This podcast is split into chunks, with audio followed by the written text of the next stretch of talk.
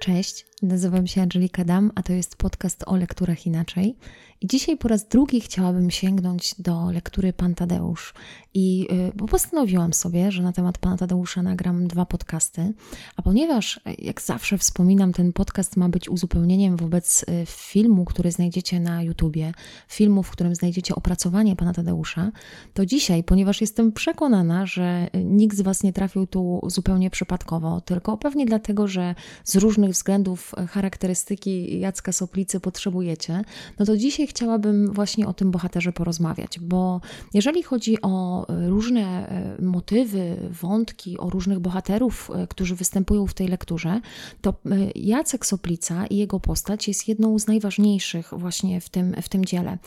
Aż niektórzy dziwią się i to jest też pytanie, na które odpowiem, chociaż mówiłam o tym trochę na swoim filmiku i w ogóle tam też mówiłam trochę o Jacku Soplicy, ale niektórzy dziwią się, dziwią się temu, że ta książka nie nosi tytułu Jacek Soplica, bo wydaje się, że centralną postacią e, właśnie tego utworu jest Jacek Soplica. Ja tylko tak o tym wspomnę i też zachęcę Was właśnie do, do, obejrzenia, do obejrzenia filmu, ale oprócz tego chciałabym sekundkę tak pogadać sama ze sobą w sumie o, o tym, e, czym różni się Jacek Soplica od innych bohaterów romantycznych i co jest takie najbardziej interesujące w kreacji tego bohatera. Dlaczego on może zapadać w pamięć i może co Mickiewicz chciał tą postacią pokazać, albo może inaczej, jak ona była odczytywana przez e, na przykład późniejszych czytelników, e, jakie przesłanie miała nieść, no to to będzie taki temat moich, e, moich dzisiejszych rozważań. I nie będę oryginalna, bo zacznę od e, przedstawienia tej postaci. I na początku chciałam Wam powiedzieć, że e, ta postać, e, najpierw poznajemy ją przede wszystkim jako księdza robaka. I kiedy czytacie na początku ten utwór, to ważniejszą tą postacią jest właściwie ksiądz robak, bo Jacek Soplica pojawia się właściwie w wypowiedziach tylko innych bohaterów. Wiemy, że Tadeusz jest synem Jacka, wiemy, że Jacek jest bratem sędziego, którego właściwie tutaj nie ma. Wiemy o tym, że ten ksiądz robak przychodzi w imieniu tego Jacka do, do, do sędziego. Wiemy też o tym, że no jak Gerwazy opowiada hrabiemu historię stolnika, no to poznajemy też tam przy okazji jego spojrzenie na postać Jacka. No i właściwie, no aha, no jeszcze mamy to porównanie w momencie, kiedy y, ksiądz Robak zabija niedźwiedzia, to zdaje się, że Gerwazy chyba tam wtedy mówi, że nigdy nie widział tak dobrego strzelca poza Jackiem Soplicą. No i to jest tak właściwie wspomnienie Jacka Soplicy, jeżeli chodzi o początek tego utworu. Natomiast my później jakby przede wszystkim bazujemy na y, mówiąc o całym życiorysie Jacka, bazujemy na tym fragmencie, który zawiera spowiedź Jacka Soplicy. I to jest ten moment, którym ksiądz Robak tuż przed śmiercią, po tym jak został trafiony, najpierw przykrywając, tutaj przykrywając ciałem swoim Gerwazego i hrabiego, e, zostaje trafiony i odnawia mu się stara rana i w związku z tym przeczuwając swoją śmierć, postanawia przed Gerwazem, jako tym, który był ostatni, ostatnim prawie że spadkobiercą pamięci pochoreszków, pochoreszkach, przepraszam, jakby postanawia opowiedzieć swoją historię. No i możemy przypuszczać, że to, co on mówi, jest autentyczne. To znaczy, skoro się spowiada i skoro jest księdzem, no to jakby raczej nie wypada, żeby kłamał. I tutaj, tak jak powiedziałam, to jest ten fragment, w którym uzyskujemy najwięcej informacji o tej postaci. I właściwie my zaczniemy od takiej, jakby od tej właśnie końcówki, czyli najpierw opowiemy o tym, jaką posta- opowiem ja, jaką postacią był Jacek na początku. Bo my wiemy w tych wspomnieniach e, e, i też w tym, co mówi Gerwazy sam o Jacku, to wiemy, że Jacek to był taką postacią, że był, e, w sensie był taką postacią bardzo e, szanowaną w okolicy. To znaczy, on był i przystojny, i miał pięknego wąsa, i był lubiany, i był świetnym strzelcem. I powiedzielibyśmy, że był takim mężczyzną i do szabli, i do szklanki, i e, jakby podobał się dziewczynom. I cała okoliczna szlachta e, bardzo mocno go ceniła, i w ogóle bardzo znaczące nazwiska odwiedzały też jakby samo Soplicowo, i on się bardzo mocno tym szczycił, jakby tą, tym swoim honorem soplicowskim. No i jednak, jakby, co jest ważne, miał on też pewne wady, bo wydawać by się mogło, że to jest właściwie idealny, idealny mężczyzna, ale jakby był takim mężczyzną, który bardzo mocno mm, przeżywał, e, nie wiem jak to powiedzieć, utratę honoru chyba. Bał się tego, że jego dobre imię, czy jego, jego imię jego rodu zostaje niezaprzepaszczone. Co jest paradoksem, on sam doprowadził do jakby tego, że potem sędzia musiał to imię na nowo jakby rehabilitować i jakby um, musiał na nowo próbować, żeby Soplicowie jakby wyglądali na poważnych szlachciców, a nie na zdrajców narodowych. Ale zmierzam do tego, że Jacek Soplica jakby był bardzo lubiany i dlatego, że był lubiany, to to pamiętajcie, że mamy tutaj okres, kiedy szlachta bardzo podejmuje bardzo ważne decyzje dla, dla, dla państwa i to jest jakby taki moment, gdzie w momencie, kiedy Jacek Soplica podejmie jakąś decyzję na sejmiku, to cała szlachta zagłosuje dokładnie tak, jak chce Jacek. I to wykorzystuje stolnik, który jest co prawda jakby zajmuje wyższą pozycję i jest o wiele bogatszy niż Jacek Soplica, ale jest jego sąsiadem i on udaje przyjaźń do Jacka Soplicy, zaprasza go wielokrotnie do siebie i, i w pewnym momencie musi zdawać sobie sprawę z tego, że Jacek zaczyna podkochiwać się w jego córce Ewie. I już samo niemoralne było to, że ten stolnik, nie darząc sympatią wcale Jacka, przyjmował go swoim domu, domu i traktował jak przyjaciela, tylko po to, by udało mu się przeprowadzać jakby mm, ustawy zgodne z jego wizją, powiedzmy. Wiadomo, że tutaj stolnik był patriotą, ale mm, chciałam o tym powiedzieć, że to jego zachowanie tak czy inaczej moralnie jakby było, było nieprawidłowe, ale chodzi też o to, że w momencie, kiedy y, y, ta, ta męka Jacka była właściwie już niewyobrażalna, w momencie, kiedy on tak bardzo już chciał powiedzieć stolnikowi o tym, że kocha Ewę, ale cały czas bał się tego, że stolnik mu odmówi tej kobiety, ręki tej kobiety, bo przecież wiedział, że Ewa pochodzi z lepszego rodu, no to w tym momencie właśnie stolnik e, mówi Jackowi, że chce wydać Ewę za kasztelana witebskiego. I to jest w tym sensie jeszcze niemoralne, że on nie tylko krzywdzi Jacka, bo możecie sobie pomyśleć, no dobra, ale to była zupełnie obca dla niego osoba, jeżeli, wiecie, cel uświęca środki, nie? Ale e, jego córka też podkochiwała się w Jacku. I, I, nawet o tym mówi, e, w pewnym momencie chyba Gerwazy pyta na spowiedzi Jacka, dlaczego on e, nie porwał Ewy. I wtedy Jacek mówi o tym, że on nie zrobił tego, ponieważ bał się tego, że Ewa jest za bardzo słabego, że ma bardzo słabe zdrowie i w związku z tym nie wytrzymałaby tego, tej rozłąki z rodziną, że była pieszczona przez rodzinę i w związku z tym nie poradziłaby sobie po prostu sama na, na obczyźnie czy na tułaczce właśnie z Jackiem. I podnosząc bardzo kontrowersyjną kwestię, muszę powiedzieć, że Jackowi Soplicy nie podano czarnej polewki, bo e, sprawa wygląda w ten sposób, że Jacek e, tak naprawdę nigdy stolnika o rękę Ewy nie poprosił, bo tak jak powiedziałam przed chwilą, i się teraz trochę powtarzam, że e, właśnie Jacek był zbyt dumny, żeby o tę rękę poprosić, bo bał się, że no po prostu stanie się pośmiewiskiem, jakby, czy stanie się jakby tym przedmiotem, stanie się tą postacią, z którego będzie śmiała się cała okoliczna szlachta. No więc jakby to, to co mówi na początku Gerwaza o tym, że podano tę czarną polewkę, to to jest nieprawda. Jakby okazuje się na spowiedzi i to mówi Jacek, że, że tej, tej czarnej polewki mu nie podano, ale jest pewny, że gdyby poprosił o rękę jakby Ewy, to tę czarną polewkę by mu podano, więc w sumie to aż tak mocno nie zmienia, nie zmienia tego, tego faktu. Natomiast y, Jacek bardzo mocno przeżywa to, że Ewa wychodzi za kasztelana Witebskiego. On też y, bardzo mocno, y, no tutaj można powiedzieć, podupada też moralnie, bo wybiera drogę alkoholizmu, po prostu rozpija się, w międzyczasie poznaje kobietę, która staje się matką Tadeusza, ale w związku z tym, że on o nią nie dba i nie odwzajemnia tego uczucia, no to ona oczywiście, y, wiadomo, umiera, w sensie, no może nie wiadomo, ale y, no to jest najprostsze po prostu rozwiązanie, wiedząc, skoro wiemy, że później staje się księdzem, to dość logicznie możemy sobie wyobrazić konsekwencje jego działania. No i jest ten moment, który przyczynia się do tego, że, że Jacek Soplica zostaje uznany za zdrajcę, zdrajcę narodowego, bo wojskie, wojska moskiewskie wspierające Konfederację Targowicką, a zwol Stolnik był zwolennikiem Konstytucji 3 maja, napadają na zamek Choreszki i ten zamek broni cała rodzina. Tam jest nawet taka opowieść, że nawet Ewa pomagała ładować broń. Ostatecznie pan zamku natomiast nie zostaje zabity przez tych Moskali, którzy napadają właśnie na, na ten zamek, tylko zostaje zabity przez Jacka już pod sam koniec tego, tego zajazdu, już pod sam koniec tego, tego napadu. I właściwie on wykorzystuje ten moment jakby i zachowuje się w sposób no, niegodny, no zabija po prostu zabija w takim momencie drugą osobę, nie, nie zabija go na przykład w honorowym pojedynku, wyobraźmy sobie, chociaż weźmy pod uwagę, że to już jest XIX wiek, więc to też już trochę nie te realia, ale e, w każdym razie ten, ten czyn jakby, który się tutaj odbywa, jest też niemoralny z tego względu, że w później nie tylko pojawia się oskarżenie o zabójstwo w kierunku Jacka Soplicy, ale też, też oskarżenie o zdradę narodową, bowiem on jest traktowany jak ten, który się sprzysiągł z tymi Moskalami. I to jest właśnie bardzo ciekawe, że właśnie e, mm,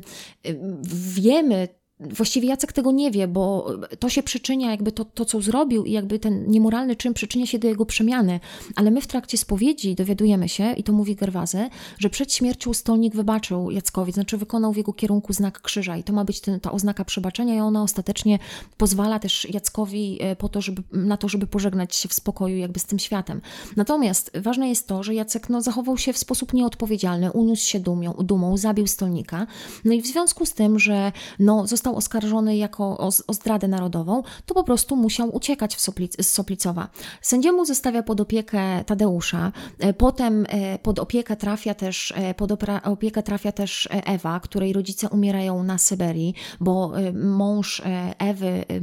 prawdopodobnie jest tych samych poglądów co Stolnik i w związku z tym jakby zostaje skazany na zsyłkę. Ewa wyjeżdża razem z nim i tam umierają, no i właśnie Zosia opiekuje, Zosią opiekuje się sędzia, no i on oddaje ją pod opiekę No bo wiadomo, że kobieta lepiej zajmie się, zajmie się dziewczynką tutaj. Zresztą my, jeżeli chodzi, to jest Telimen, na temat Telimeny mógłby być osobny podcast, bo jeżeli chodzi o to, z kim jest spokrewniona Telimena, czy ona jest spokrewniona z sędzią, czy z Zosią, no to jest jeszcze chyba do dzisiaj nie, zagadka nierozwiązana. Może wy wiecie, to, to, to moglibyście mi powiedzieć, ale ja cały czas się miotam właściwie i w różnych fragmentach wydaje mi się, że, że różne tutaj występują e, takie e, przypuszczenia. Jacek wyjeżdża, zostawia pod opieką sędziego Tadeusza. Sędzia w ogóle musi bardzo szybko dorosnąć i właśnie zająć się tym małym chłopcem i e, właśnie trafia on pod jego opiekę. Sędzia będzie podejmował decyzję, oczywiście w porozumieniu z Jackiem na temat wychowania i wykształcenia, wykształcenia Tadeusza. Natomiast e, Jacek wyjeżdża i to jest właściwie bardzo ciekawy moment, bo on pod wpływem tego swojego czynu pod wpływem też tego, co doprowadziło do tego czynu, postanawia wybrać życie zakonne i przybiera kaptur mnisi, staje się ojcem Bernardynem i przybiera imię Robak. I to jest bardzo ciekawe imię w sensie takim symbolicznym, bo zobaczcie, Jacek Soplica był dumnym szlachcicem, którego do tej pory głównie charakteryzowało to, że przede wszystkim posiadał szlacheckie nazwisko. I to było przyczyną jego buty, jakiejś dumy, honorowości. I w honorowość jest akurat dobrą cechą, ale takiej może nadmiernej honorowości. I y, pozbawiając siebie tego nazwiska i dodatkowo nazywając się robakiem, czyli taką częścią świata, która wydaje się taka najmniejsza i może, nie, chcę tutaj tak jakby mówić jakichś dziwnych rzeczy, czy kontrowersyjnych rzeczy, ale taką najmniej ważną po prostu, no to e, jakby tutaj pokazuje też to swoje położenie, próbuje pokazywać, pokazywać tę swoją małość zwyczajnie i najprościej mówiąc. Więc tutaj zapamiętajcie sobie właśnie na, sam, na samym początku, że właśnie e, to, to jest ciekawe, że to, to imię ma, ma specyficzną, specyficzną tutaj też funkcję. I my wiemy właściwie, właściwie, w, w, już jak poznajemy y, Jacka jako księdza robaka, że jego główna działalność to jest działalność emisaryjna. To znaczy, to jest postać, która wiemy, że ma na pewno bogate doświadczenie. To sugeruje ta taka blizna na jego twarzy, ale też sugeruje to, co sam on opowiada, jak mówi o tym, gdzie był i z jakimi osobami się widział. To jest na przykład ten moment, kiedy prezentuje tabakierkę i wtedy opowiada różne historie związane właśnie z historią tej tabakierki i tym, kto się częstował z tej tabaki. Serdecznie polecam Wam tę historię, częstował tą tabaką. Serdecznie polecam Wam tę historię. Więc y, tutaj wiemy, że jest to człowiek, który ma bogate doświadczenie, ale wiemy przede wszystkim, że on działa jako emisariusz. I ta działalność emisaryjna polega na tym, że ksiądz Rabak jakby wędruje od miejsca do miejsca i namawia okoliczną szlachtę, okoliczną ludność do tego, żeby ona wspólnie, zbrojnie ruszyła przeciwko jakby zaborcy. To jest ważny moment, bo to jest ten moment, kiedy Napoleon jakby dumnie przymierza przez Europę i zmierza w kierunku Rosji. I y, widać tutaj nadzieję, jakby mm, taką utrwaloną, że w momencie, kiedy Rosja będzie osłabiona i Polacy wspomogą Napoleona, to przyczyni się to do tego, że, że jakby Polska odzyska niepodległość. Jest gdzieś ta nadzieja na odzyskanie tej niepodległości. I właśnie na tym polega działalność Jacka, Jacka Soplicy czy księdza Robaka. I on w międzyczasie jeszcze oczywiście, i to pewnie go poznajecie, no tak w filmie też jest ciekawie pokazywany, on właściwie jest taką postacią, która e,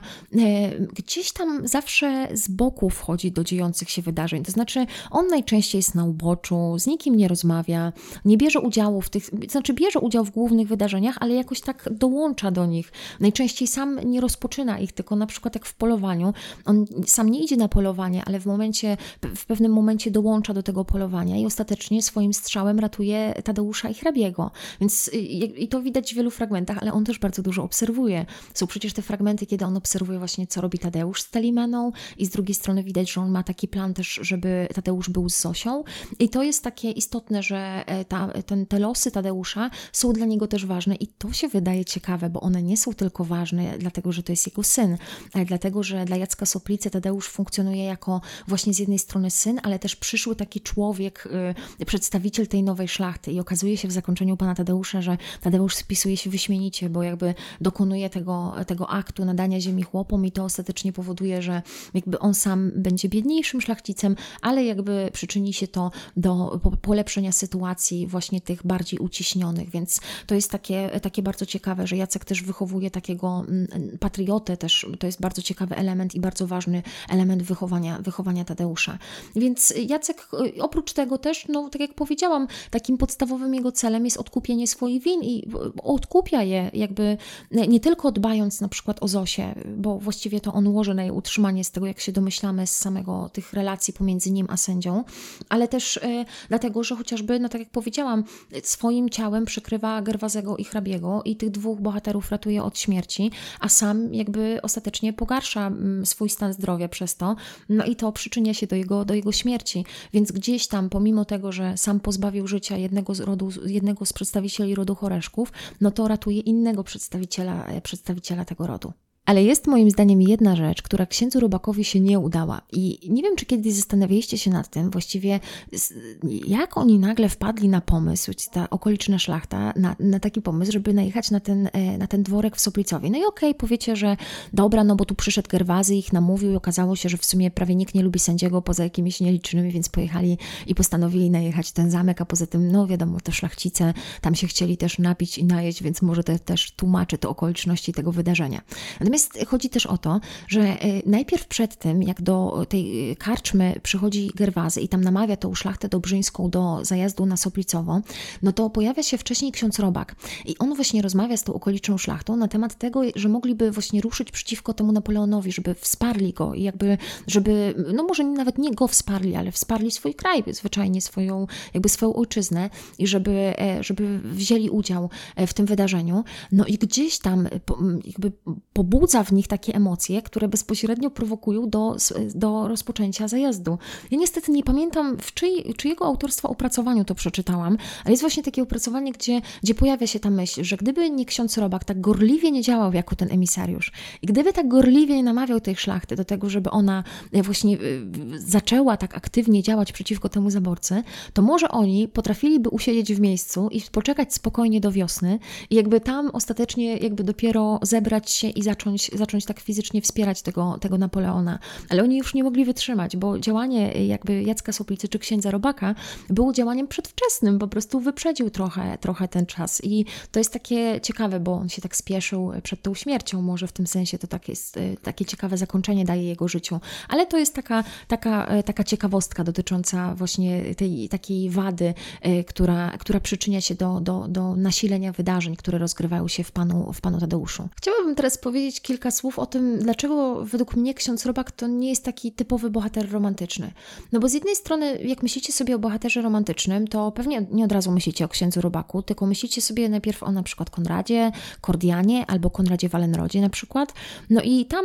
y, takimi elementami, na przykład o, może być też cierpienia młodego Wertera, może przychodzą Wam do głowy, chociaż to jest bardziej preromantyzm, ale mamy tu składniki pewnego romantycznej miłości, w ogóle romantycznej koncepcji bohatera, tego wczesno-romantycznego. No ale jak myślimy o literaturze polskiej, no to ten bohater romantyczny to jest najczęściej zbuntowany, romantyczny indywidualista, który no, oczywiście jest patriotą i tutaj próbuje działać na rzecz swojej ojczyzny, próbuje walczyć też z tym złem, ale najczęściej jest po prostu niezrozumiały przez, niezrozumiany przez otoczenie i w związku z tym ta jego walka jest taką walką jednostkową, samodzielną. No i, i coś łączy taką koncepcję bohatera właśnie z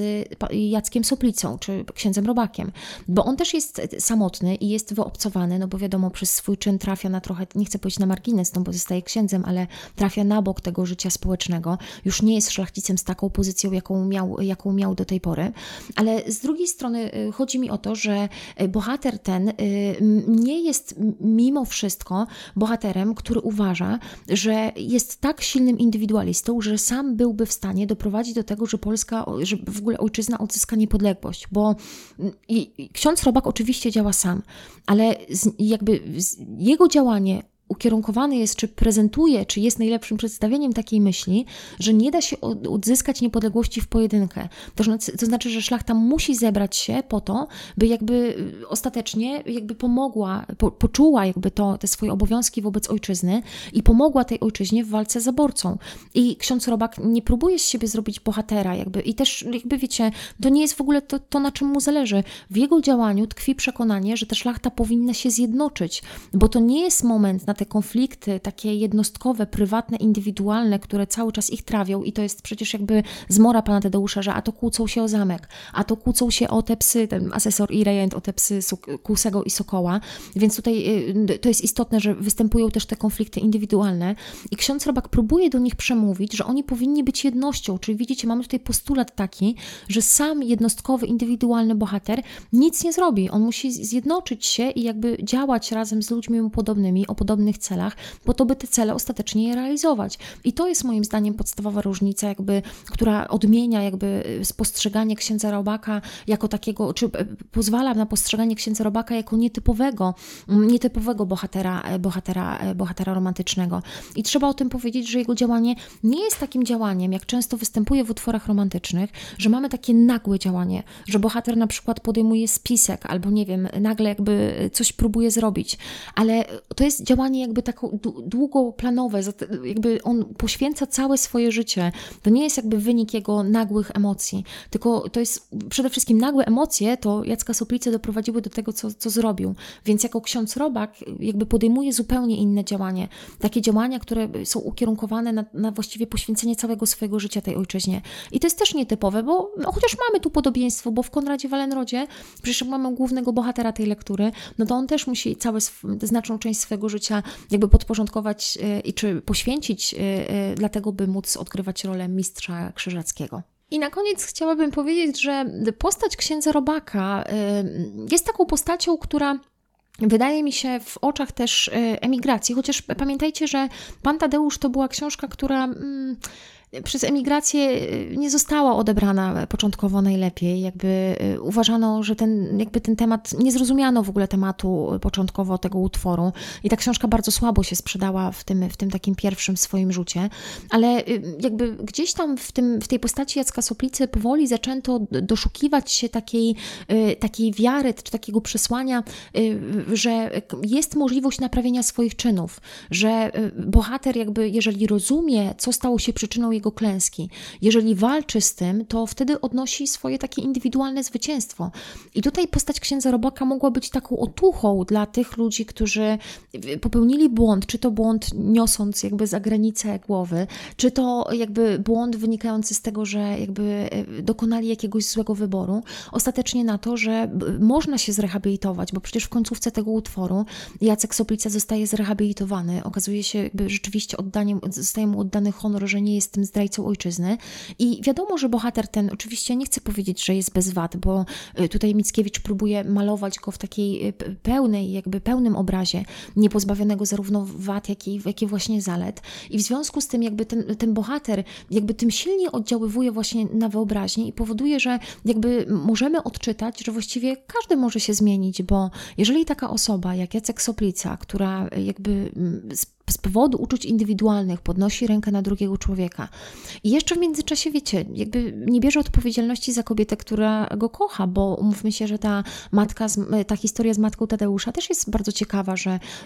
że ona zmarła właśnie też dlatego, że Jacek nie potrafił wziąć się w garść, nie potrafił roztoczyć opiekę nad tą, nad tą, nad tą kobietą, no to staje się to przyczyną właśnie też jej śmierci. Ale ta, ta, ten motyw takiego naprawienia czynów, ten motyw takiej przemiany, tego, że każdy może się zmienić, jest właśnie właśnie takim bardzo ciekawym i przynoszącym nadzieję też, e, e, też e, takim elementem. I w tym sensie jakby ta rehabilitacja na koniec, ten moment wiosny, daje takie symboliczne jakby takie przesłanie temu utworowi, że da się jeszcze wszystko naprawić, że jest taki moment, kiedy rozpocznie się ten, ten nowy start, kiedy jakby zacznie się ten symboliczny, symboliczny początek. Ja tutaj chciałabym jeszcze tak już zupełnie podsumowując, właśnie zwrócić Waszą uwagę, że bohater ten pozostaje w cieniu i w większości tego utworu, no chociaż jakby jest centralną postacią, no bo wiadomo, że jednym z ważniejszych elementów jest sama spowiedź Jacka, Jacka Soplicy, ale chciałam Wam zwrócić uwagę, y, właśnie powrócić do tego, o czym mówiłam wcześniej, czyli dlaczego Jacek Soplica,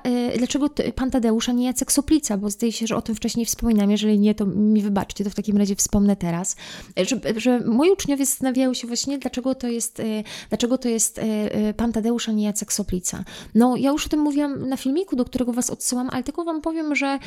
Jacek Soplica coś domyka, jest człowiekiem, przedstawicielem takiego starego świata i ostatecznie jakby symbolizuje ten stary świat, tą starą szlachtę, jakby, bo Tadeusz symbolizuje nowość, o czym za chwilę powiem, ale Jacek symbolizuje ten, ten stary świat i jego życie się domyka.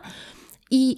jeżeli ten utwór miałby po prostu opowiadać o dawnych czasach, to wtedy nie byłoby problemu, żeby ten utwór nazywał się Jacek Soplica. Ale ponieważ ten utwór ma otwierać nas na właśnie takie symboliczne rozpoczęcie nowego porządku, na to symboliczne powstanie nowego świata, które uosabiają jakby Tadeusz właśnie i Zosia, no to wtedy jakby, tym, jakby, to, jakby ten tytuł jakby musi odzwierciedlać raczej tego bohatera, który bardziej spogląda w przyszłość niż Jacek Soplica. I pomimo tego, że e, jak myślicie o motywie przemiany w tym utworze, to najpierw na pewno myślicie o motywie przemiany Jacka Soplicy, to pamiętajcie, że Tadeusz, który nie jest tutaj głównym bohaterem mojej dzisiejszej wypowiedzi, to jest też bohater, który się zmienia, bo na początku on jest zupełnie innym bohaterem niż pod koniec tego utworu. Bo na początku on jest takim bawidamkiem, takim trochę e, człowiekiem, no umówmy się, że on ostatecznie ma bardzo bliskie relacje ze swoją własną ciotką i to dużo starszą od niego i też w sensie takim atrakcyjności czysto fizycznej ona go interesuje. E, no ale później zmienia się i przecież ten Tadeusz, który pojawia się na końcu tego utworu, ten Tadeusz, który pyta Zosię, czy nadal jest ona jego narzeczoną i który podejmuje decyzję o przekształceniu Soplicowa, no to to jest przedstawiciel nowej epoki i to on śmiało spogląda w przyszłość i ta, nawet w tym sensie taki symboliczny jest ten polonez, gdzie pierwszej parze zdaje się, że tańczy e, właśnie Zosia z Podkomorzem i to jest taki symboliczny sens zaślubin tego starego świata i właśnie nowego porządku. Więc jest jeszcze kilka powodów, dla których ten utwór nie nosi tytułu Jacek Soplica, tylko Pan Tadeusz. Ja przynajmniej chyba jeszcze o jednym powiedziałam e, w, e, w, moim, w moim filmie, ale jak sobie pogooglujecie czy poszukacie jakichś opracowań, to na pewno jeszcze będą jakieś wytłumaczenia, natomiast ten, ten jest najbardziej, to jest najbardziej sensowne, że gdzieś jak znamy dobrze ten utwór, to jednak rozumiemy, że ten wybór Tadeusza jako postaci tytułowej jest taki bardziej, bardziej znaczący właśnie w odniesieniu do tej perspektywy przyszłości, do tej wizji, że tak, jakby, że ten świat może się zmienić, jakby, że ma mieć takie przesłanie pełne otuchy, ma utrwalać pewien stary świat, ma pokazywać jakby te, te stare obyczaje, które wiążą się właśnie z patriotyzmem też, ale ma też dawać taką nadzieję, nadzieję na przyszłość. Mam nadzieję, że e, ta moja wypowiedź na temat Jacka Soplicy